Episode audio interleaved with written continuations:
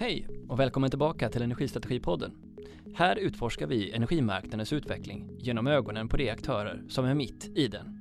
Vilka val gör det och varför? Jag som delar intresset för bättre förståelse heter Niklas Sigholm.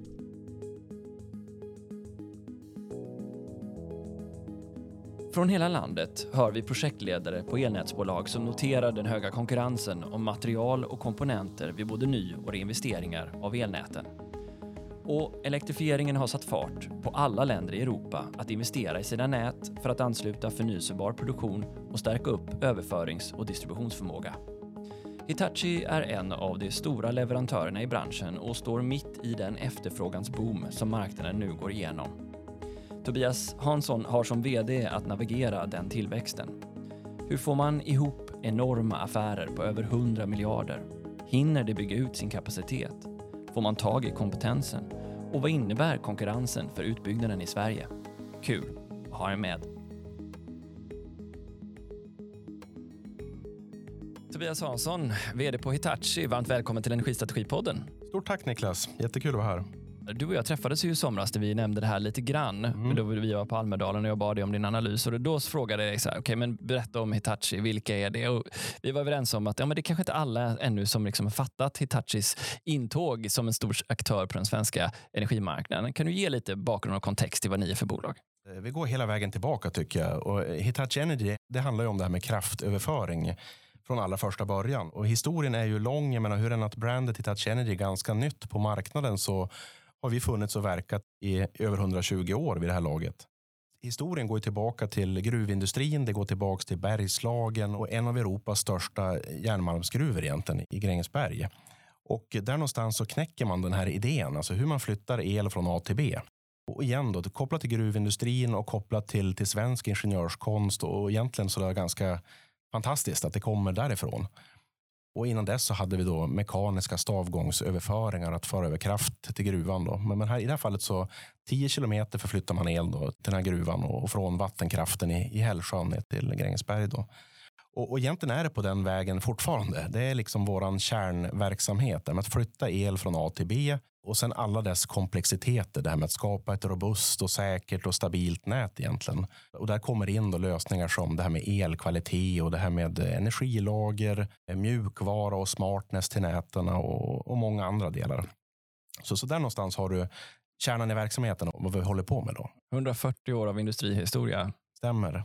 Ja, men det, det, är en, det är en lång och fin historia och tradition här på något sätt. På samma sätt som vi drar det som har hänt här nyligen är ju att att eh, det här företaget hette då Elektriska Magnet en gång i tiden. Elektriska Magnet AB.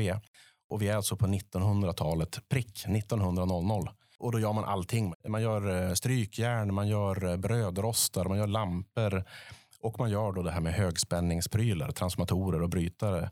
Allt är lite en salig röra om du frågar mig. Men den röda tråden var ju el då förstås. Så där någonstans kommer ju då ASEA in längs resans gång och man likriktar lite grann med att man håller på med högspänning och, och kraftöverföring lite mer eh, fokuserat, framför allt i Ludvika.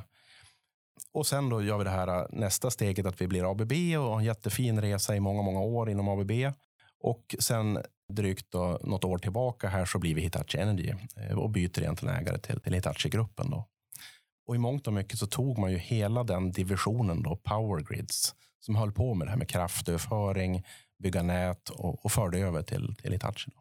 Och hur unikt är det att som land sitta på den här kompetensen som ni nu har inom Hitachi här i Sverige? Nej, men jag skulle säga att det är väldigt unikt. Jag menar, det finns några få spelare runt om i världen och, och tittar man i Skandinavien så är det egentligen vi som har ett starkt footprint. Och och vi är ju en ganska stor spelare. Vi tittar på, på svenska verksamheten så är vi stora i Ludvika då med drygt 3000 medarbetare. Vi är ganska stora i Västerås med någonstans 1200 medarbetare och sen har vi lite satellitenheter uppe i norr och nere i söder i Figeholm och, och Landskrona. Men, men, det är ett ganska unikt footprint och speciellt Ludvika är en helt unik sajt där man har liksom alla de här olika delarna i ett kraftsystem. Krafttransformatorer, vi har det blir lite teknik här, med krafttransformatorer, vi har shuntreaktorer, vi har genomföringar, linningskopplare, alla de här olika delarna i ett, Reläskydd har vi också, det, då är vi i Västerås till och med. Men alla de här olika delarna finns med i, i, i skopet. Då. Och Och jag brukar dra den här parallellen, jag vet inte, det här får man kolla upp om den stämmer exakt, men jag tror att vi är på rätt spår i alla fall. Att bara i Ludvika, om du tittar på mängden stora provhallar, alltså högspänningshallar, så har vi ungefär samma kapabilitet som hela Nordamerika. Så, så, så, det tycker jag också är en ganska talande bild. Det är någonting exceptionellt som finns där. Och, och, på så vis har ni också katapulterats in i hela Europas omställning här nu. Men innan vi går in på den, så din historia, var börjar den någonstans och hur har din resa sett ut till att hamna som vd på Hitachi? Ja, hur har den sett ut? Jag kommer ju från en liten by uppe i norr där. Ni hör att dialekten är kraftig fortfarande. Så Robert Fors kommer jag ifrån, då, den gamla C-ort till och med. Och ligger mitt emellan Umeå och Skellefteå. Jag pluggade upp i Luleå och gick eh, maskinteknik med inriktning mot produktion. Och sen så började jag på ABB på den tiden i, i Ludvika och på det här fantastiska traineeprogrammet som ABB har haft och som vi också har tagit vidare inom Hitachi Energy som riktar sig mot universiteten framför allt. Då, en väg in till, till företaget. Och där man ges den här möjligheten att prova lite olika saker. Man fick prova lite produktion, lite sälj och i mitt fall lite teknik. Och sen går man på sin fasta placering. Så, så det var min väg in eh, till företaget. Och jag ska vara helt öppen och ärlig och säga att det var inte den här att jag hade kanske den stora bilden och exakt vad, vad gav jag mig in här? Jag visste ju att ABB är ett stort och fantastiskt världsspännande företag, liksom, men inte fullt ut vad som fanns där i Ludvika. Och det är väl den bilden som också tangerar din tidigare fråga. Vad är det vi egentligen har? Jo, men det är någonting helt unikt och fantastiskt. Och, och där har vi ett viktigt uppdrag nu att få ut den informationen på ett bredare spann med tanke på den fantastiska nu omställning som sker och det kompetensbehov vi också har. Men, men där började det. Jag flyttade till Ludvika och det här är en lång story. Har, har vi tid för den Niklas? Kör på. Ja. Jag vill höra. Ja, för jag vill också veta vilka drivkrafter du har. Vad du tror det är som har fört dig hit. Mm. Nej, men då, jag jobbar många år inom produktion och det här med förändringsarbete har liksom alltid varit en, en, en nyckel. Och gått lite den långa vägen när det gäller just det. Då. Började med produktionsteknik, produktionsledare, hade en liten grupp där i ett måleri i, i Ludvika. Otroligt spännande och kul och, och jobbade med investeringar och många andra bitar. Och sen har det liksom eh, fortsatt på den vägen. Det har blivit produktionschefsroller och så fick jag köra min första fabrik. Då flyttade till till Oskarshamn. Vi har en liten fabrik i Figeholm där vi gör då pressban och isolationsmaterial. Jag fick köra den verksamheten under några år och sen, sen blev det Tyskland. Och då åkte jag till Bad Honnef där vi har en, en krafttransformatorverksamhet och fick köra den under några år. Och sen tillbaka igen till Ludvika, hem igen då och eh, fortsatte där och, och, körde lite olika verksamheter. Transformatorer blev det igen faktiskt. Jag har förstått det att om man verkligen ska få igång dig, då ska man be dig förklara varför en transformator är så fantastisk. Ja, absolut. Det är en fantastisk produkt. Vi ägnar en kort stund åt den här podden så kan folk få höra. Vad är din pitch för transformatorer? Ja, det är genomtänkt pitch här och nu, men, men det är ju en fantastisk produkt. Men det, det är nyckeln tycker jag på något sätt i hela energisystemet. Det är växellådan, det är den som växlar upp eh, spänningen för att vi faktiskt ska kunna transportera den på ett bra sätt. Så den sitter rakt in i hjärtat i verksamheten. Man brukar ju ibland kalla elnätet för världens största maskin. Och Det är ju mycket tekniska delar. Det är ju inte lätt att hålla koll för det är så väldigt mycket olika teknik vi bygger in i den här maskinen. Men stämmer den liknelsen som du ser det? Är det här Sveriges största maskin? Just den liknelsen har jag inte hört förut faktiskt, men det ligger någonting i det. Jag menar, det är ju en en maskin på sätt och vis. Att vi bygger men Jag tycker någonstans ibland när man läser debatter och, och även när jag själv gick på skolan, så när man pratar om energisystemet så kanske man inte fullt ut greppade att, att det handlar ju någonstans i slutändan om de här hårdkokta komponenterna också. Det, det kommer in där med krafttransformatorer, brytare, avledare, alla de här eh, hårdkokta tekniska lösningarna och produkterna är på något sätt det som bygger upp energisystemet. Och Det tror jag är en viktig, en viktig poäng och, och någonstans också som när man pratar om energiomställning och dess utmaningar framåt, att man får inte glömma bort den delen. Att i slutändan så eh, nätägarna agerar mångt och mycket beställare och kanske till och med projektledare i vissa fall, men, men det behövs de här hårdkokta prylarna i bakgrunden. I vilken mån uppfattar du att för att kunna klara av att formulera en strategi för ett bolag som Itachi så är det nödvändigt att du också förstår den underliggande tekniken. Jag tror att det är jättebra på ett företag som heter Hitachi Energy och som är så pass teknikorienterade ändå i sin, sitt erbjudande att du, du behöver ha en hel del teknik med dig. Sen är det klart att det är en stor och bred organisation. Det finns alltid en, någon som kan tekniken bättre. och så ska det vara. Och jag menar, går man in till till exempel här i Västerås har vi vårt researchcenter så så står jag mig ganska slätt där i diskussionen. De är verkligen experter på sina områden. Det är protoner och elektroner och, och väldigt speciella applikationer och, och nischområden där de går verkligen på djupet. Jag tror ändå att det är bra att ha en viss teknisk bas. Det tror jag. Om man vänder på frågan, vad tror du hade hänt annars ifall du hade kommit från en helt annan bransch in och lett ett bolag som Hitachi utan erfarenheten från den tekniken i produkterna? Det beror väl på lite grann vilken bakgrund man kommer ifrån så att säga. Men som med allt här i världen, det är oftast plus och minus med allting. Och jag menar, det, det, är klart man kan komma in med andra typer av erfarenheter. Jag tror det finns faser i ett företag där det kan vara absolut det som, som behövs och krävs. Att det är liksom nästa andning på något sätt. Och det är bra att få in en ny kompetens och en, en annan typ av kompetens. Så jag, jag tror att det, det, är en svår fråga att säga liksom sådär 1 och 0 på. Jag är tacksam bara att du ville svara på en hypotetisk fråga. Ja. Eh, men det var väl ett, eh, ett, ett ganska brett svar. Bara sista frågan som berör dig. Och Det var jag inne på förut. Det här, dina drivkrafter och vem du är. Vart vill du ta Hitachi? Vad tror du folk ser genom dig att Hitachi ska bli? jag känner att eh, det här med förändringsarbete det är otroligt eh, långt in i själen på mig. Alltså det här med att jobba med förändringar och förbättringar det är otroligt kul och också otroligt nödvändigt. Och det var någon som gjorde den här eh, liknelsen för mig någon gång i tiden. Att du går i en rulltrappa som går åt fel håll. Och du behöver hela tiden trampa i form av förbättringar. Och, och trampar du en viss hastighet, ja, men då, då står du stilla. Då håller du liksom avståndet mot konkurrenterna och, och, så vidare. Och du håller kvar din position på något sätt. Eh, trampar du ingenting, det vill säga att du gör inga förändringar och förbättringar, då åker du neråt. Då slutar du trampa. Och då tappar du mark och, det blir på något sätt början till slutet. Så det är otroligt viktigt. Jag tycker också det är otroligt kul att jobba med förändring. Med alla dess komplexiteter. Men det är också svårt. Men det var en bra segway över till eh, vad vi ser nu på marknaden. För jag antar att det eh, vi ser nu får det att behöva pinna på i den här rulltrappan ganska hårt.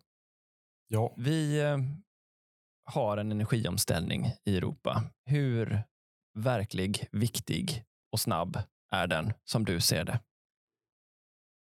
Ja, nej, men om jag börjar med min egna eh, syn på det hela. Jag har ju varit med i drygt 20 år här nu på, på samma företag egentligen och jag har aldrig sett någonting liknande. Vi brukar säga att det är egentligen tre saker som sker samtidigt. Egentligen tre revolutioner by itself på, på svenska. Då. Alltså tre ganska omvälvande förändringar samtidigt som jag tror bara individuellt hade varit tillräckligt för att driva på marknaden rejält. Men, men om vi tar den första pusselbiten så nu slår jag in lite öppna dörrar här, men många situationer på många ställen i världen där man fortfarande är beroende av fossila bränslen sett till produktionen av el. Eh, ta, ta Tyskland som ett exempel där det fortfarande eldas mycket kol och, och, man har ett beroende till den fossila gasen fortfarande. Och den utmaningen är långt ifrån unik. Så, jag menar, många har ju verkligen en jätteutmaning att ställa om sin genereringsprofil. Och det hade nog drivit marknaden som en enskild liksom faktor Sen kommer nästa pusselbit då, att hela transportsektorn ska ställas om. Vi kör var och varannan en, en hybridbil eller en renodlad elbil. Hela transportsektorn håller på att ställa om i tung trafik också. Där vi tittar både på vätgas och, elbilar, ellastbilar. Där också vätgasen blir någon form av elektrifiering. Det är nästan sån där pusselbit att, att den också driver på elkonsumtionen och elbehovet. Och sen den tredje pusselbiten som pågår då samtidigt. Det räcker inte med de första två som är rätt dramatiska. Så kommer den tredje pusselbiten och det handlar ju om hela industrins omställning. Där vi har företag, inte minst då i Sverige. Om den första pusselbiten kanske inte gällde fullt ut Sverige med att ställa om genereringsprofilen så den sista absolut. Och kanske till och med i, i att ta lead här i form av inte minst stålindustrin och gruvindustrin. LKAB, SSAB, H2 Green Steel, Ovako som nyligen också invigde sin, sin första elektrolysör. Här. Så, så det händer så otroligt mycket och även nyetableringarna.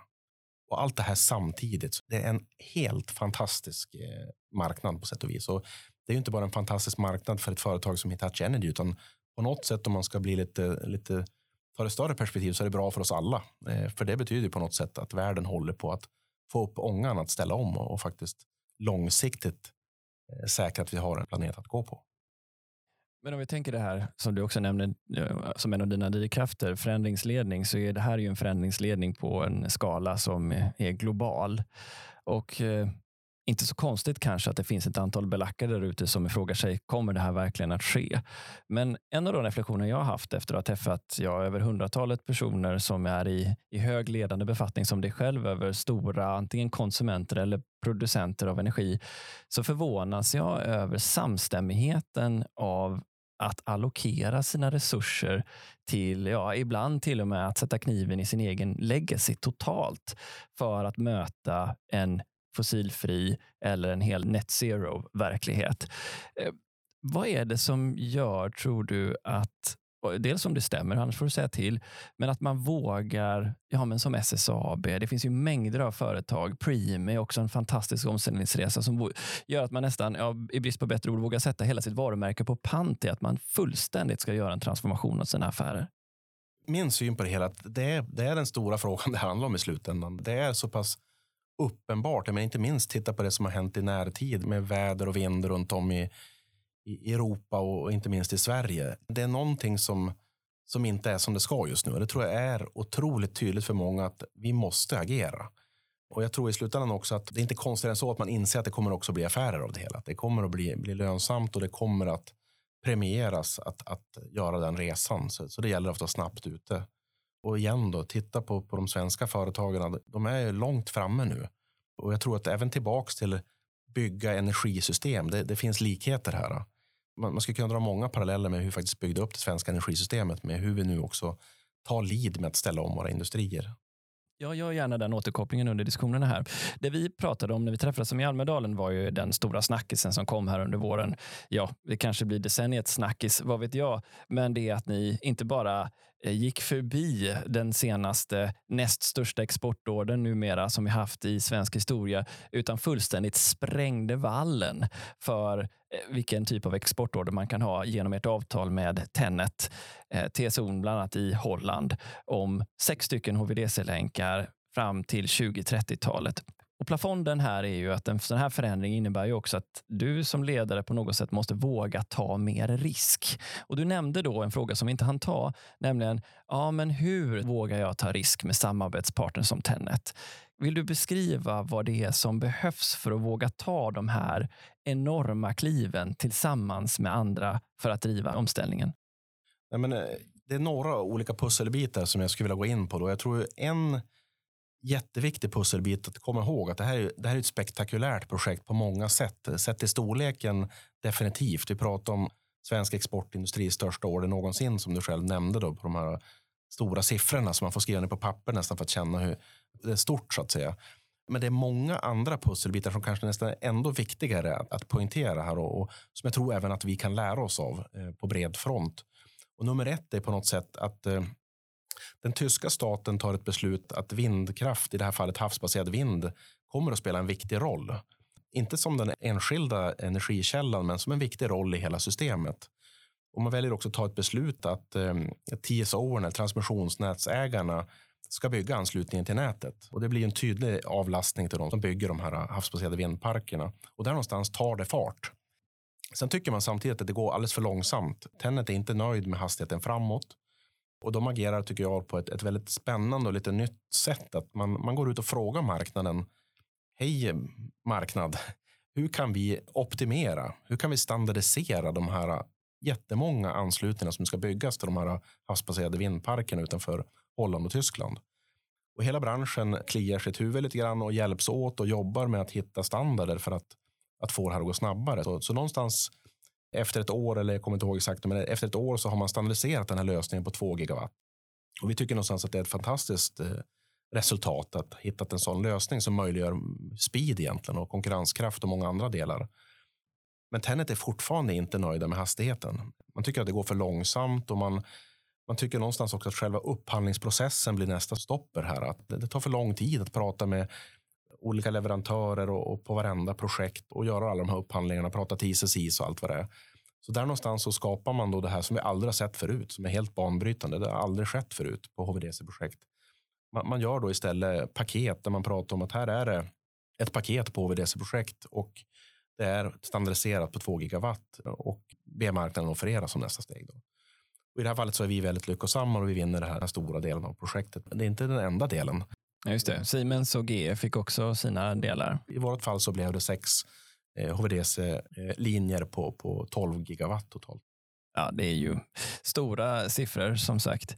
Men det här innebär ju att eh, ja, ska man säga, gå i sängs med varandra över en ganska lång tid. För visst, det här avtalet löper över flera år om jag förstår saken rätt. Ja, menar, vi vet ju att vi, och det, det är det som är kanske slutklämmen på det, att vi vet att vi ska jobba nu i över tio år ihop här. Den ska vara leverera till, till, till slutet på decenniet, till början på nästa. Så det möjliggör ju förstås en helt annat samarbetsklimat. Vi, vi vet att vi har ramavtalet i ryggen, vi kan jobba ihop och det, till och med det här med co-creation, alltså att skapa ny teknik också. Så det, det, det skapar ett otroligt eh, incitament som det igen finns väldigt mycket likheter med det svenska energisystemet när vi en gång i tiden byggde upp det. Den här förflyttningen från, om man eh, förenklar det hela, en klassisk jag kommer till dig och jag vill ha ett eh, reläskydd. Du lämnar en offert till mig, jag säger tack så hemskt mycket, de ska ha de här specifikationerna och du levererar det och så säger vi tack till varandra och adjö till övergången att ni nu ska gå in i ett nära co-creation-samarbete som sträcker sig över tio år. Hur måste ni omformulera er? Vad får det för konsekvenser för er?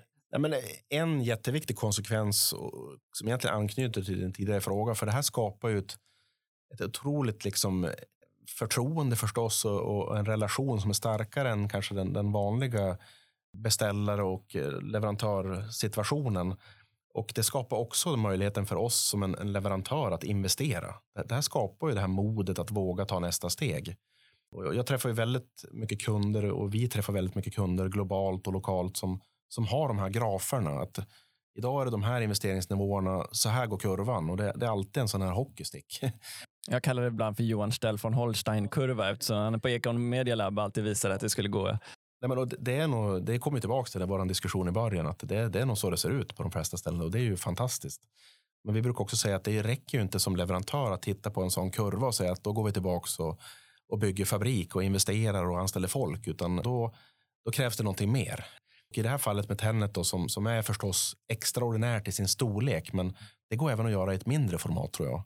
Det skapar det där incitamentet att gå vidare. Så det tog ju bara några dagar efter det här announcement att vi hade vunnit det här så gick vi ut också och pratade om, om anställningar och eh, investeringar också. Hur blir det med frågan om proprietära rättigheter när man går in i ett sånt här samarbete? Eh, för jag kan tänka mig historiskt har ni varit väldigt nogräknade med att eh, hålla er utveckling internt och sen släppa det till en marknad. Och nu helt plötsligt så kommer ni mötas av frågor där ni måste saminnovera. Vad betyder det? Ja, men det är ju nästa område som om jag nu tryckte lite grann på vad en köpare kan göra för att förflytta sig så gäller det också att vi som leverantörer förflyttar oss. Och jag, jag tror att det är tidens tand att det krävs förändring. Vi är tillbaka till där vi började. Det krävs förändring hos både oss som leverantörer och branschens eh, leverantörer i form av att våga ta de stegen tillsammans. Sen är det självklart att det finns gränser på det och det finns avtal och, och, och IP-rätter och så vidare. Men jag tror att även där eh, i sådana här eh, situationer kan man förflytta sig också.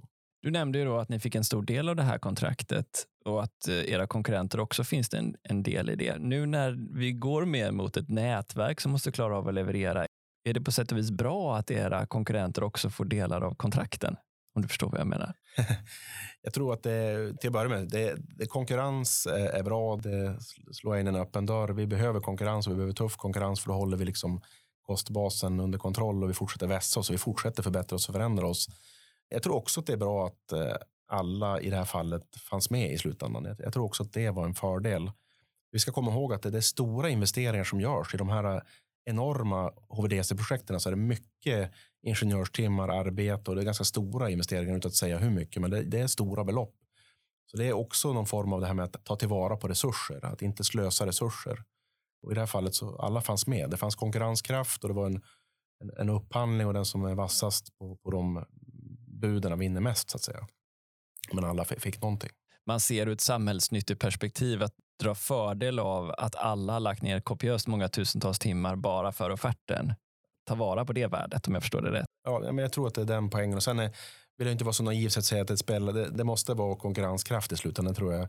Det finns en gräns på alla sådana här frågor. Men, men generellt sett så ja, tror jag att det, det är ett bra upplägg. Jag läste från ett bokslut eh, från 2022 att redan då så gick 95 procent av allt ni gör på export. Är det ännu mer så framåt eller är det ungefär så det ser ut? Nej, men det är någonstans där det ligger. Det, det, kan bli någon procent ytterligare om man tittar i närtid här som är export. Så det, det, är en jättestor del av det som tillverkas i den svenska verksamheten som går ut i hela världen. Och den delen har nog vuxit också sett till de sista åren. Ja, för min följdfråga blir ju, sen den här affären annonserades har det ju dykt upp ytterligare stora projekt som ni också har tagit, inte minst en stor havslänk mellan Skottland och England. Hur har det sett ut sen den här orden? Hur mycket mer ordervärde har ni tagit in? Ja, nej men, eh, där har vi inte gått ut riktigt lika tydligt med siffrorna, men det är stora ordrar kan vi säga. Och inte minst länken England-Skottland, men också det vi gör i Skottland i form av ett stort antal HVDC-länkar som är faktiskt liknande upplägg som det vi har på Tennet här. Det är ett större liksom, ramavtal på HVDC projekt i Skottland och som ska ta kraften från norr till söder. Genereringen finns uppe i norr och, och mycket av konsumtionen nere i söder påminner om ett annat land. Så där har vi vunnit ett, ett jättestort projekt som jag tror placerar sig högt uppe på listan av stora exportprojekt från Sverige. Här börjar man ju nästan fnissa. För om jag har ni ett ordervärde de kommande tio åren på, nu säger jag det här så kan du bara humma om du vill, men i alla fall då kanske över 200 miljarder kronor, så måste det ju slå er att ni påverkar ju hela Sverige exportnetto. Det här är ju vansinniga belopp. Det går ju inte att föreställa sig hur stora siffror det är. Jag sa hmm här nu. Ja. Nej, men det, det, men det återspeglar det vi var inne på förut, att det är en, en kokande marknad där ute. Vi, vi tittar förstås alltid på pipeline och det gäller att ha ödmjukhet och fortsätta vara, vara, vara supervass med att fortsätta vässa teknologi etc. Men ja, marknaden växer och kommer fortsätta växa. Vår spaning är att vi är bara i början. Alltså vi är bara i början på att ticka upp den här äh, marknaden. Och tittar man framåt, det är inte våra siffror utan det är globala siffror så utmaningen vi pratar om i Sverige är ju långt ifrån unik. Det tror jag också är en sån där viktig poäng att få fram. att I Sverige pratar vi mycket om den här dubbleringen eller kanske lite mer på 20-25 år, men den, den är ganska generell. Okej, okay, men då har vi i alla fall vi har ett bevis på att den här marknaden rör sig. Det är inte bara en hockeystick längre, utan det är faktiskt ett underlag i er orderbok. Hur tycker ni det ser ut um, hos andra stora aktörer som behöver göra den här typen av förflyttning. Det är ju egentligen som du säger alla länder i Europa om man bara tittar på vår kontinent. Tar man intryck av det sättet som Tenet har rört sig framåt på, ser du att det börjar som metod att sprida sig bland fler? Vi har mycket diskussioner och det har skapat ett bass där ute vad som händer där och vad man kan ta med sig från det. Så det, det pågår någon form av rörelse, det tror jag definitivt. Sen skulle jag säga att det är nog, inom industrin så har vi redan jättemånga exempel på, på liknande angreppssätt. Om jag tar ett exempel så ska jag nämna det här projektet i Ovako, på Ovako i Hofors. Då, där vi jobbar i ett väldigt exceptionellt partnerskap i att bygga Ovakos elektrolysör och anslutning till nätet och faktiskt ställa om ifrån gasol till att värma ugnarna med vätgas istället, med hjälp av vätgas. Jag tror också Göran har varit med och pratat om det på podden tidigare, så jag ska inte djupdyka i den här nu. Men, Stämmer, ja. Mm. men det var ett exceptionellt partnerskap där man går ihop flera spelare. Nell i det här fallet eh, elektrolysörbyggare, vi i form av nätanslutning och nätkompetens och vi har um, H2 Green Steel med också som ett fantastiskt tycker jag, upplägg. Att en, en gammal spelare, om vi får kalla och vaka gamla, men som varit med länge tillsammans med en helt ny liksom, spelare och att man, man delar med sig av know-how här. Eh, och även Volvo då, som finns med i form av att köra sina lastbilar med vätgas. Så skapar man ett jättefint eh, samspel och, och, som påminner om det som också är fallet i, i Tenet-caset. här. Ja, det blir samma typ av nätverk av aktörer som på olika sätt kan bidra med sin kompetens in till en helhetslösning. Mm tolkar det rätt då? Men jag antar att i alla de här affärsuppläggen, dels borde de bli lite mer komplicerade än bara den klassiska leverantör-kundrelationen. Men också måste det innebära att ni behöver jobba mer tvärfunktionellt i er organisation. Ja, nej, men nu är vi tillbaka igen till det med förändring. För du sätter fingret på rätt sak. att här funkar det inte på samma sätt som kanske vi normalt sett har jobbat. Då, där vi har våra olika produktbolag, vi har systemsidorna och har tydliga processer hur det har gått till traditionellt. Men nu, nu krävs det någonting annat. Nu måste man jobba ihop på ett annat sätt, tvärfunktionellt och vi behöver sätta ihop de här teamen som, som pratar över gränser. Och det är en typisk sån fråga som ligger på mitt bord just nu då, i form av förändringsarbetet. Hur matchar vi upp mot det här? Vi, vi har ju redan gjort många exempel, men behöver göra mer. Okej, okay, om vi lyfter tillbaka det du har som utblick här om hur köparna eh, behöver bete sig för att skapa tillit, om jag förstår dig rätt, i de här långa, stora avtalen och hur man behöver så att säga agera på risk. och du tittar på det svenska systemet så frågade jag dig om det här i somras när vi var i Almedalen och då sa du att det verkar som att vi har färdplanen nu och vi är överens om vart vi ska. Men vi vet fortfarande inte hur färdplanen egentligen ser ut och det måste vi börja tratta ner mycket mer. Så uttryckte du det då. Mm. Eh, givet den här erfarenheten du har nu av hur det fungerar i Europa och vad vi ser i Sverige, vad är det viktigaste för oss här att ta intryck av? Om jag får börja backa bandet igen, bara en kort utblick från hur det startade en gång i tiden. Att vi på något sätt kommer ihåg att det vi har är någonting otroligt starkt. Alltså jag brukar säga att grundplåten är stark, det befintliga systemet. Samtidigt som att det inte är någon produkt av idag, utan det är en produkt av någonting som hände för ganska länge sedan vid det här laget. Beroende på hur man ser det, men 50, 60, 70-tal, 40, 50, 60-tal, där någonstans byggde vi upp det svenska energisystemet. Och det gjordes väldigt mycket tillsammans i samspel, igen det här co-creative samarbetet och situationen där det var mycket ASEA och ganska mycket ASEA, den delen som idag är Hitachi Energy, mycket Ludvika, tillsammans med Vattenfall och den delen av Vattenfall som idag är Svenska kraftnät. Och man ska komma ihåg att det fanns ingen färdig teknologi. Det låg inte på bordet att så här funkar det. Utan man tog fram helt ny teknologi i samspel. Man byggde världens första 400 kV-system, världens första shuntreaktor, världens första högspänd likströmöverföring till Gotland 1954, vilket nästan varenda gång jag säger det så får jag lite så här. Det är rätt fantastiskt. Vi, vi gjorde det här lokalt i, i, Sverige och byggde ett system som var helt state of the art. Det fanns ingen annanstans på jordklotet. Och sen går vi in i en, en liten annan fas kan man säga. Vi går in i en fas där vi liksom är klara lite grann och har någonting som är otroligt starkt med, med kärnkraften nere i söder och, och vattenkraften uppe i norr och, och det här fantastiska nätet som, som inte finns någon annanstans på jordklotet. Men sen går vi in i en fas som varar nästan 30 år tror jag. Där det inte är någon stor uppgång i behovet av terawattimmar per år och där systemet på något sätt återinvesteras i, men vi tar inte de där tekniksprången på samma sätt. De här 13 åren. Och det, det är inte att, att, klandra någon, utan det tror jag är lite som, som tidens tand såg ut helt enkelt. Och nu går vi in i den här andra fasen, att vi liksom ska rampa upp igen. Och den här gången tror jag lutningen är ändå brantare än vad den var förra gången. Och då tror jag tillbaka till din fråga, att nu är det igen det, hur, hur jobbar vi nu för att möjliggöra detta? Och det enda jag känner mig ganska säker på att det, det, funkar inte med bara det traditionella sättet. Jag tror det traditionella sättet kommer också finnas där med en traditionell eh, färdig späck och en RFQ och varsågod kära leverantörer, var god och offerera och bästa vinner. Det, det tror jag kommer finnas kvar på vissa element av processen, men jag tror också att det krävs någonting mer. Där till exempel Tenet-modellen kan vara ett exempel. Det andra kan vara Ovako där man faktiskt går ihop lite grann och alla var med och till och med investerade i det hela. Den tredje varianten är att vi som leverantörer också hittar ny teknologi och teknik som faktiskt möjliggör det med att hitta motsvarande element. Där vi till exempel har vårt Grid Expand som också eh, tangerar liknande delar som det här med Tenet-avtalet. Hur bra eller dåliga är vi? Jag menar, vi har ju då lagen om offentlig upphandling, eller LUF, som ju ställer ganska hårda krav, ehm, också för att skydda mot korruption och annat. Men så har vi också innovationsupphandlingar som delvis är någonting annat. I vilken mån är svenska spelare som från ert perspektiv som en stor leverantör i Sverige vana eller intresserade av eller använder sig av alternativa upphandlingsformer?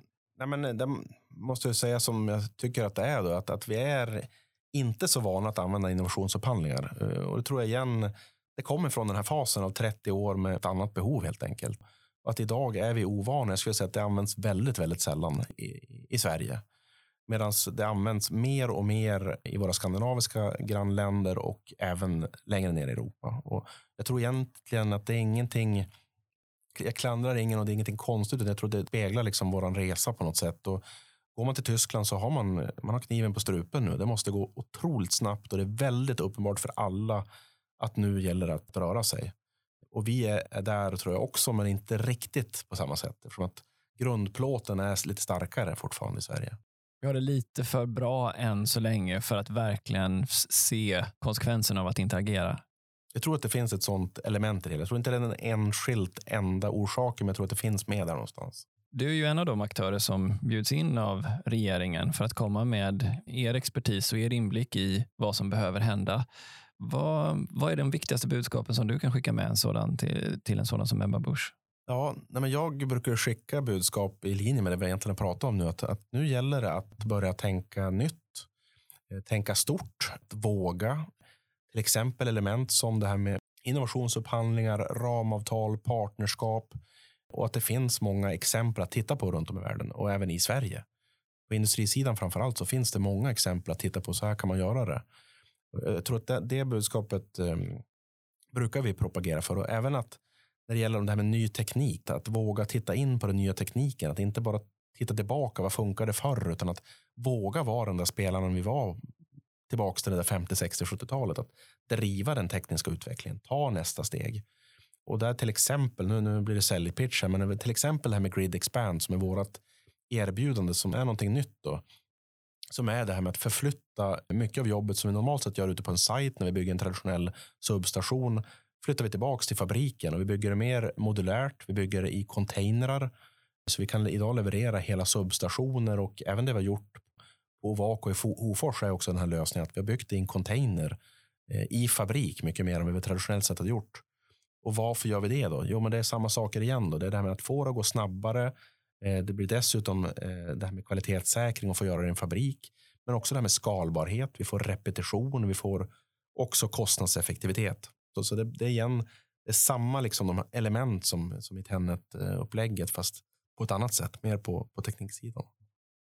Klassisk industrimannaskap. Ja. Eh, man lyfter hem, man modulariserar, man standardiserar för att få skala i repetitionerna. Ja, och, och det är egentligen ett krav, för det låter nästan för bra för oss men det är, det är en del man måste då investera och det är det med att skapa modulerna. Att man behöver jobba ihop för att komma dit. Gör man aldrig det, det är klart att då finns det hundra olika, då är varenda späck unik så att säga och då kommer man aldrig dit. Ja, mm, för jag menar förflyttningar av en sån, ursäkta att jag använder, säger så här Tobias, men en bjässe som, som dig, om man tar hela er verksamhet, ehm, så finns det också en befogad eller obefogad oro för hur ni som företag som är så central för ja, hela det nordiska systemet såklart, att också röra er med det här ökade explosionen av efterfrågan på era produkter som nu sker i hela Europa och hur ni mäktar med att också växa med det för att inte som svensk spelare märka en vacker dag att ja, men nu vill jag ha en länk här. Men så säger du, ja varsågod återkom 2035. Det är då nästa lucka i fabriken öppnar sig. Eh, finns det en reell risk för det? Eller vad är ditt svar på det? Jag tror att det där är en, en jätteutmaning med den marknad som finns nu. Och det tror jag inte är unikt för, för Hitachi Energy, utan hela marknaden är igen. Vi var inne på de där tre pusselbitarna. Så det är klart att nu, här och nu så finns det en större efterfrågan än kapacitet. Och jag tror att den situationen gäller hos, hos alla leverantörer. Att det, är liksom, det här med kapacitet kommer att bli kritiskt. Och igen, för att möjliggöra kapacitet så behöver man hitta partnerskap. Då behöver man hitta de här, de här andra affärsmodellerna och uppläggen där man jobbar mer långsiktigt ihop. Och då, då, kan alla leverantörer också ta nästa steg att investera både i, i människor och i fabriker. Jag tror att ja, det är en sån där fråga som är viktig att, att ha med sig. Får du då den attention från eh, politiken som ni behöver? Jag menar, ni är ett nod i den största maskinen som är en förutsättning för precis allting. Utbyggnaden kommer vara mer och starkare än vad kanske tillgänglig kapacitet klarar av. Vi har då i era labb och i er verksamhet kanske mer provningsmöjligheter än vad man har i Nordamerika. Det låter som att vi skulle behöva allokera också resurser då till att säkerställa att ni klarar av det här. Ja, nej, men jag tror att det är, det är tillbaka igen till det här att jag tror diskussionen handlar så mycket om genereringsfrågan. Det var så otroligt mycket diskussion om det här med ska vi ha det eller det och vad är bra och dåligt. Så att vi har nästan fastnat lite grann i, i den diskussionen och det det är precis vad jag tryckte på när jag träffade dig på, på Almedalen också, att, att färdplanen börjar växa fram nu lite grann, men den är inte riktigt där. Eh, jag gillar ju också Vattenfalls inspel där man på något sätt kommer in och hjälper till att här är ett förslag på en färdplan eh, där man beskriver lite grann att jag menar, kortsiktigt är det nog landsbaserad vind och det är solkraft och, och flexibilitetslösningar och, så, som vi kan göra. Det är det som går snabbt. Eh, på den där mellanhorisonten och då slutet på decenniet, början på nästa, då är det havsbaserad vind tycka vad man vill, men det är nog det som liksom är nästa steg sett i tid. Och sen lite längre därefter kommer kärnkraft, både i form av nya rektorer och, och SMR. Och att det blir liksom tre olika faser i tid här på något sätt. Så vi behöver inte prata så mycket om vad som är bra och dåligt och vad vi tycker och tänker, utan allt det här är fossilfritt och, och det ligger liksom i ganska logisk tidsföljd. Det kommer falla sig naturligt. Ja, men min poäng är den att mellan alla de där kraftslagen som du nu nämner och mig som konsument så finns du. Ja. Eh, så oavsett vilken väg vi väljer, så någonstans längs vägen så behöver vi gå över dig och din teknik. Och ni har ju då därigenom också hamnat i en del av den politiska debatten som ju faktiskt har blivit ganska teknisk. Där till och med politiker eller Svenskt Näringsliv uttalar sig om vad nätet har för förmåga att hantera teknik A eller teknik B och när det inte längre fungerar och var det fungerar. Hur har det varit för dig att liksom betrakta detta från sidan? Ja, nej men, blandade känslor. Det jag tycker man kan se tecken på att många vill ju nu försöka bidra. Många ser samma bild. Det, det är väl liksom det vi verkligen kan konstatera. Att vi, vi ser liksom den här utmaningen och nu försöker vi alla hjälpa till. Jag kan sakna ibland att ta med, eh, igen då Tenet-caset, att ta med marknadens teknik expertis, varav vi definitivt representerar en sån del. Att bygga det här med substationer och nät och, och att även simulera olika typer av, av genereringsprofiler och sånt. Det är ju våran hemmaplan. Det är det vi har hållit på med i över hundra år och till och med har kommit på en gång i tiden. Så det, en hand utsträckt här och nu till alla, den, den, den är vi gärna med på och lämna vår input och, och vara en spelare i det förstås. Det finns fler spelare absolut som ska vara med, men att vara med ändå mer hade känts bra. Och det där brukar jag alltid när jag är med, om jag är med i någon olika sammanhang eller en panel eller någonting, att, att lyfta de här exemplen på, på andra platser i jorden. Till exempel, vi har, vi har case där vi jobbar enbart med förnyelsebar energi på, på en ö. Liksom. Och vi, vi har case där vi jobbar med, med kärnkraft och vindkraft i, i Finland och UK och, och så vidare. Det, det, finns så mycket att lära och jag tror att det, det är viktigt att vi öppnar upp för det lite grann. Vi ska vara stolta över det vi har. Jag sa det också att grundplåten är fantastisk. Det är nog fortfarande så att den är en av de vassare som finns i form av hur den är uppbyggt, hela systemet i Sverige.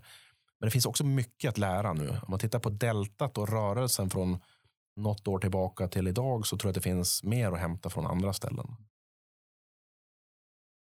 Här blir det lätt tekniskt med ja, men shuntkompensering, är det SVC-teknik, är det seriekompensering, är det statcom, är det synkronkompressorer? Vad, hur kan vi nätet, vad är delta för nätets utveckling att bidra till att fortsätta hålla en, eh, en, en jämn och fin sinuskurva på 50 hertz även när vi får in mer variabelt i systemet? Finns det mycket potential där? Ja, men det finns jättemycket potential. Det, här finns det igen många exempel att titta på och vi har gjort många sådana eh, projekt och installationer. Och även hela, jag ska inte bara prata om oss här, nu, utan hela branschen har gjort många sådana projekt och, och vi ser ju i ganska många länder så handlar det ju om att, eh, för man lever i samma turordning som jag var inne på förut, att det, kortsiktigt är det vissa lösningar, mellan lång sikt så är det den havsbaserade vinden och sen kommer kärnkraft, förutom de som redan gjort kärnkraftsinvesteringarna.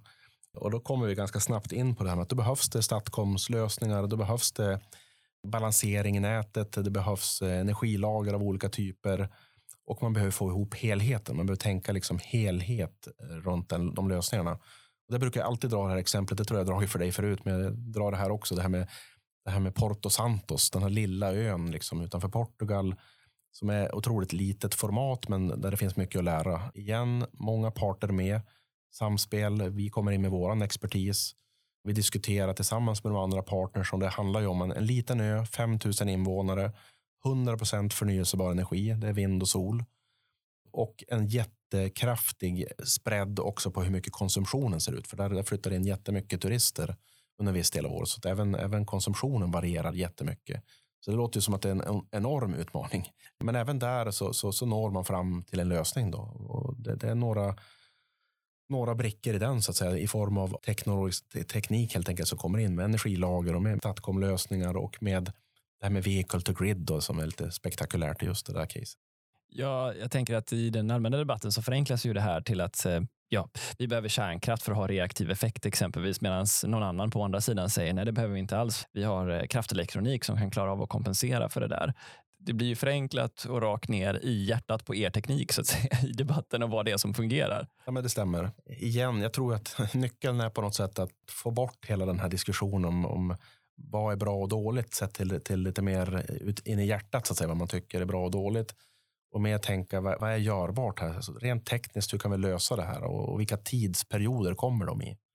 Och göra allt. Jag, jag gillar ju som, som man säger mycket från Finland, att vi, det är bygga, bygga, bygga som gäller Ge oss på alla de här pusselbitarna. Och... Ja, för det, det, kan vara lite abstrakt att förstå vad du menar. Att nu måste vi bestämma oss för vad, det, vad det är vi ska göra.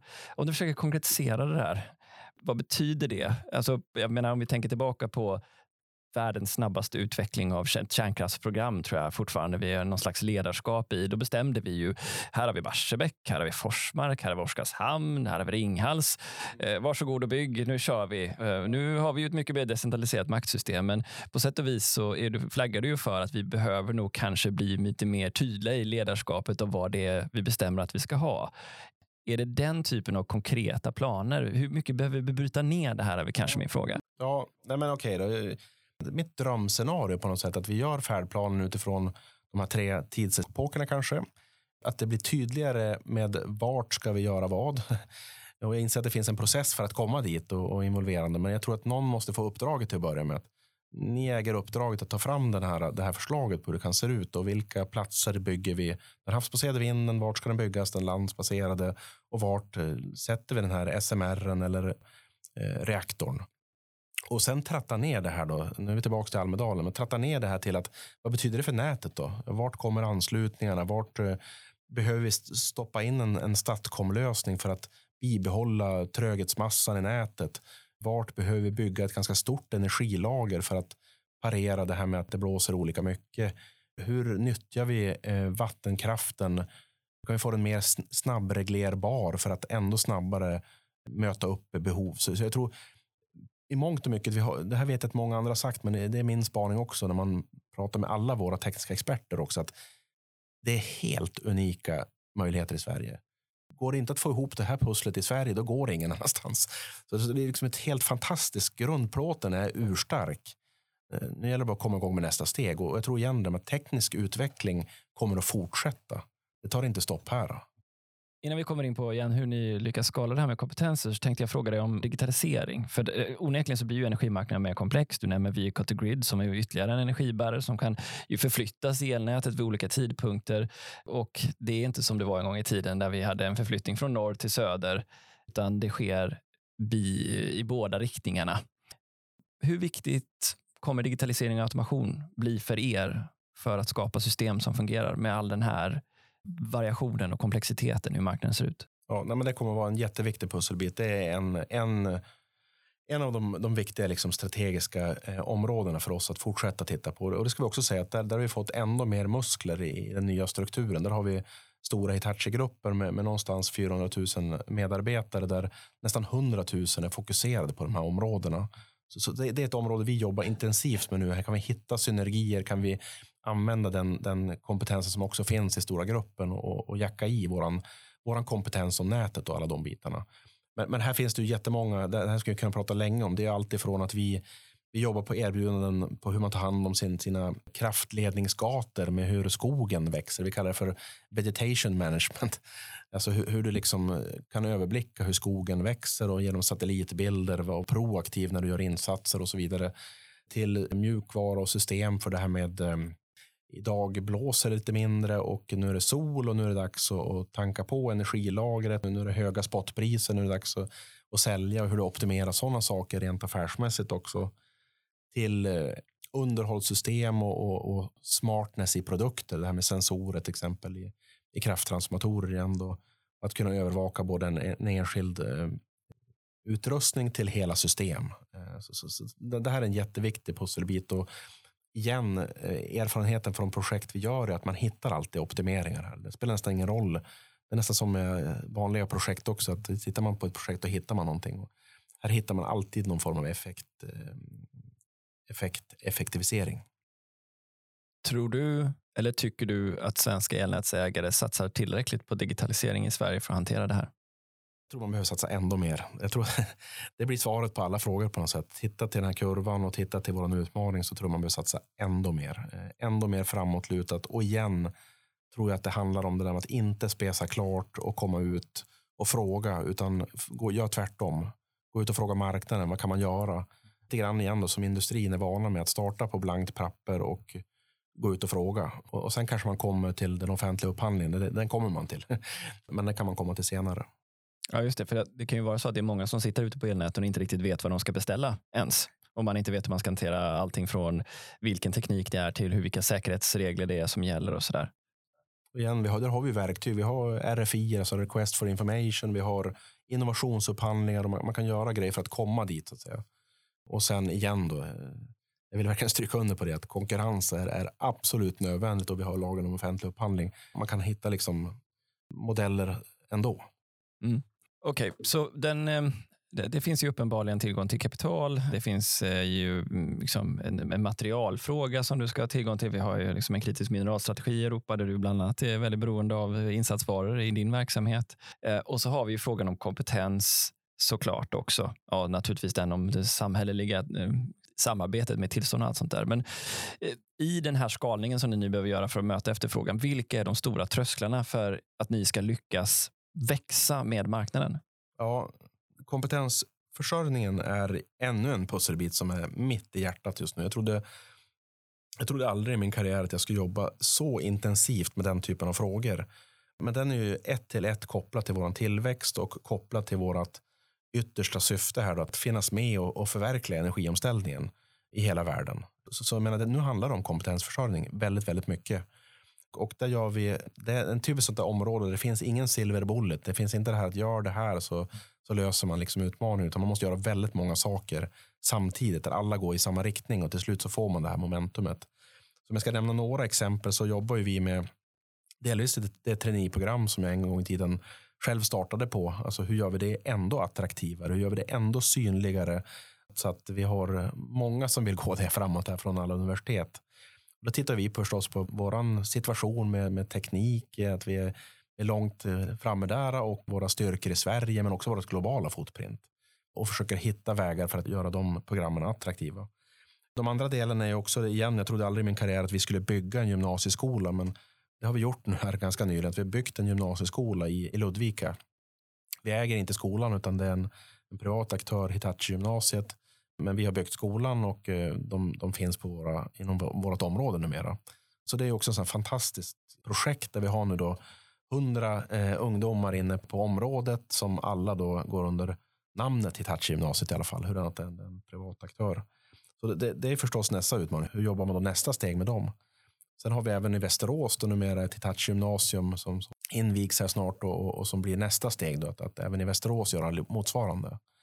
Och eh, vi jobbar med produktionstraineeprogram. Det var någon som berättade för mig då att eh, Tobbe, det där är ingenting nytt. Och det, det, är som vanligt att man, man, man hittar många gamla idéer och sen hittar man ny tappning på det hela och vässar det. Så, det, så det är lite grann gamla C-skolan om vi ska hårdra det som vi har tagit upp och, och gjort till någonting nytt och fräscht 2023. Då. Men det är alltså ett erbjudande till gymnasieelever, eh, gymnasieelever att få ett fast jobb från dag ett.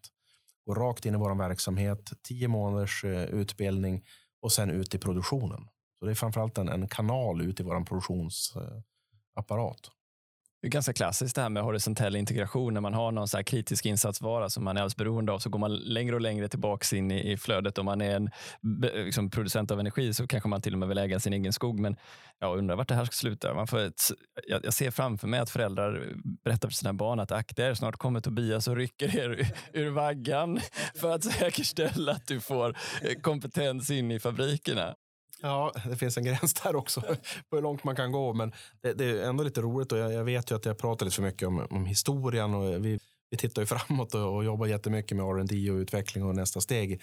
Men, men det är ändå lite kul också att titta tillbaka ibland på, på historien och, och hela den här nybyggarfasen på något sätt. Där vi, där vi som företag köpte mark och erbjöd bostäder. Och, där är vi inte som företag idag, men, men det är klart frågor som det här med att finns det boenden och finns det Finns det skola och finns det infrastrukturen blir också otroligt central. I vårt fall pratar vi om att vi ska öka nu 2000 personer och vi ökar någonstans 100-150 per månad snittar vi just nu. Så vi håller den takten och lite till faktiskt. Men det blir ganska fort också de här äh, infrastrukturfrågorna som blir viktiga. Statens roll i det här nu då? Är det här, antar jag det är samma sak nu inom utbildningsområdet som du ser inom energiområdet om jag förstår det rätt. Bestämma vad man vill, göra tydliga satsningar men här finns det några såna eh, frågor som är ganska ute där i diskussionen och debatten. Och, det handlar mycket om, om att möjliggöra arbetskraft från andra länder, eh, att det ska gå snabbt och smidigt. Eh, där har vi igen en benchmark med Finland. Det blir oftast Finland här, där det går snabbare. det är helt uppenbart att det går betydligt snabbare och det skiljer någonting i upplägget. Det är en viktig del och, och tittar man på våra rekryteringar så är det verkligen världen som rekryteringsbas. Hur många är det som kommer från andra länder? Ja, den är ju sådär eh, lite dag till dag och månad till månad. Men tittar man på förra året så, så tror jag någonstans 30 procent kanske kommer från, från andra länder. Jag tror att det är en, en siffra som kommer att ticka uppåt ju längre fram i den här utmaningen vi kommer. Så det blir en jätteviktig del. Sen är det förstås det med att våga satsa från staten att bygga boenden. Och, och de ska inte bygga boenden, men de ska fixa att, att, att det möjliggörs så att säga. Så att det kommer de här eh, satsningarna på något sätt. Då. och transporter, eh, skola, sjukvård, alla de här äh, basdelarna blir, blir jätteviktiga. Och inte minst att kanske också skapa attraktionskraft till en stad. Eh, Västerås, Ludvika i våra fall, då, Luleå, eh, Figeholm, Landskrona. Att man, man vågar också visa att här, här är the place to be på något sätt. Men eh, du var ju väldigt tydlig här i svaret när jag ställde frågan om vad det är som egentligen är din flaskhals.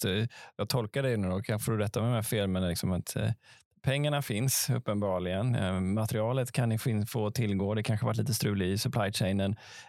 Men det är kompetensen. Det, det är där skon klämmer allra hårdast. Jag tror att där sitter vår absolut största utmaning med att växa. Absolut. Eh, vi kommer att behöva satsa. Vi har gått ut och sagt att vi ska investera i, i våra fabriker i Sverige nästan en, en miljard här och eh, satsa i, i maskin och, och, och, fabrik. Men det är det där med kompetensförsörjningen. Den är nog vår absolut största utmaning och, och, att fortsätta takta på i den takten vi håller just nu. Här måste vi göra många grejer. Det måste vara lite förvirrande för dig när det står att vi är i en lågkonjunktur hela tiden i tidningarna. Det känns inte riktigt att det, som att det är det du beskriver ur ditt perspektiv. Ja, men just den här branschen, och det, det vet jag, jag talar inte bara för mig, utan det, det, är en bransch som, som är i en annan fas tror jag. Absolut. Och igen tillbaka till att det, det, vi måste komma ihåg varför. Det handlar om den där, den där jorden vi vandrar på. Att, att faktiskt säkra att den finns kvar. Så, syftet är för starkt för att konjunkturen ska slå på det sättet. Framåt här nu då. Ni är ju ett ganska brett bolag, har en stark vertikal integration för att ni kan egentligen göra allting. Eh, det är också kanske det som ger er styrkan att kunna svara på en så stor offert som Tenet kommer med. Men det kan ju också sinka. Eh, det är ju alltid det där strategiska valet mellan, ska man vara bred och tillhandahålla allting för att kunna vara eh, en one-stop shop för, för stora kunder? Eller ska man vara smal och nischad och därmed också kanske lite mer snabbrörlig och fokuserad? I vilken mån vänder ni och vrider ni på det här nu när marknaden är stadd i sån eh, stor förändring? Ja, nej, jag tror just nu som det ser ut, du har helt rätt i att det här är alltid någon form av sån här vända och vrida på vart och hitta rätt. Men jag tror som det ser ut nu så är det här med vertikal integrering en oerhörd styrka, eh, inte minst i Sverige. Att vi, vi gör vårt kompositmaterial uppe i norr i Piteå, mina, mina hemtrakter. Vi gör våra egna isolationsmaterial, pressvanmaterial nere i Figeholm. Eh, vi gör våra kylsystem i Landskrona. Och vi, vi har en liksom stark vertikal integrering, vilket är en, en trygghet att också säkra de, de här ordrarna man bokar i slutändan. Så det, det tror jag är en, en av våra absoluta styrkor i den fasen vi är just nu. Nej, men det, det är en styrka och en strategiskt viktig del. Okej, okay, så den, det låter som att den kommer att, eh, att bestå. Avslutningsvis här nu, om vi börjar runda av, och så tänker vi då, du har ju en internationell utblick och du har tidigare när vi har pratat med dig nämnt eh, Danmarks förmåga att ha en one-stop shop för, eh, för tillståndsärenden som är en viktig sak. Du nämner samlat statens ansvar för skola och utbildning tillsammans med samhällets utveckling i expansioner. Och du pratar om förmågan att kunna ta mer innovationsupphandlingar, vara, ta mer risk på varandra och ta hjälp av leverantörer för att få reda på svar som man kanske själv inte sitter på.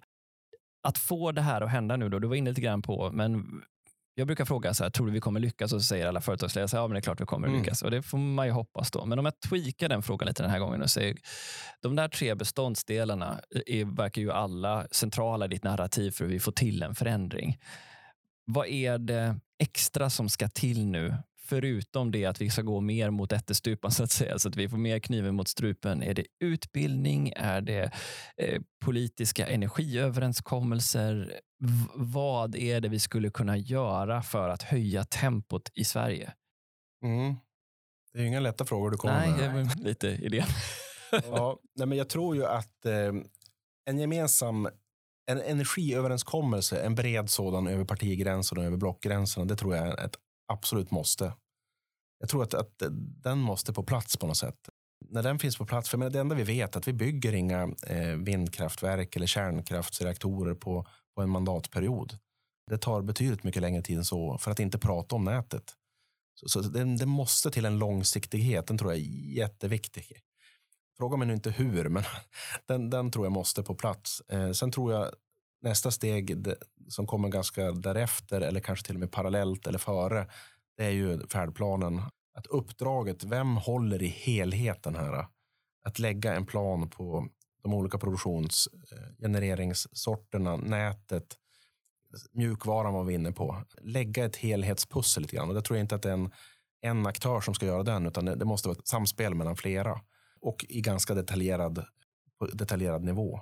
Utan att säga nu att vi tar bort alla marknadskrafter, att, att marknaden måste få styra här också. Men, men det krävs någonting mer i form av färdplan där vi eh, krokar arm lite grann. Alla aktörer. Transmissionsnätsägare, distributionsnätsägare, teknikleverantörer som jag representerar här då.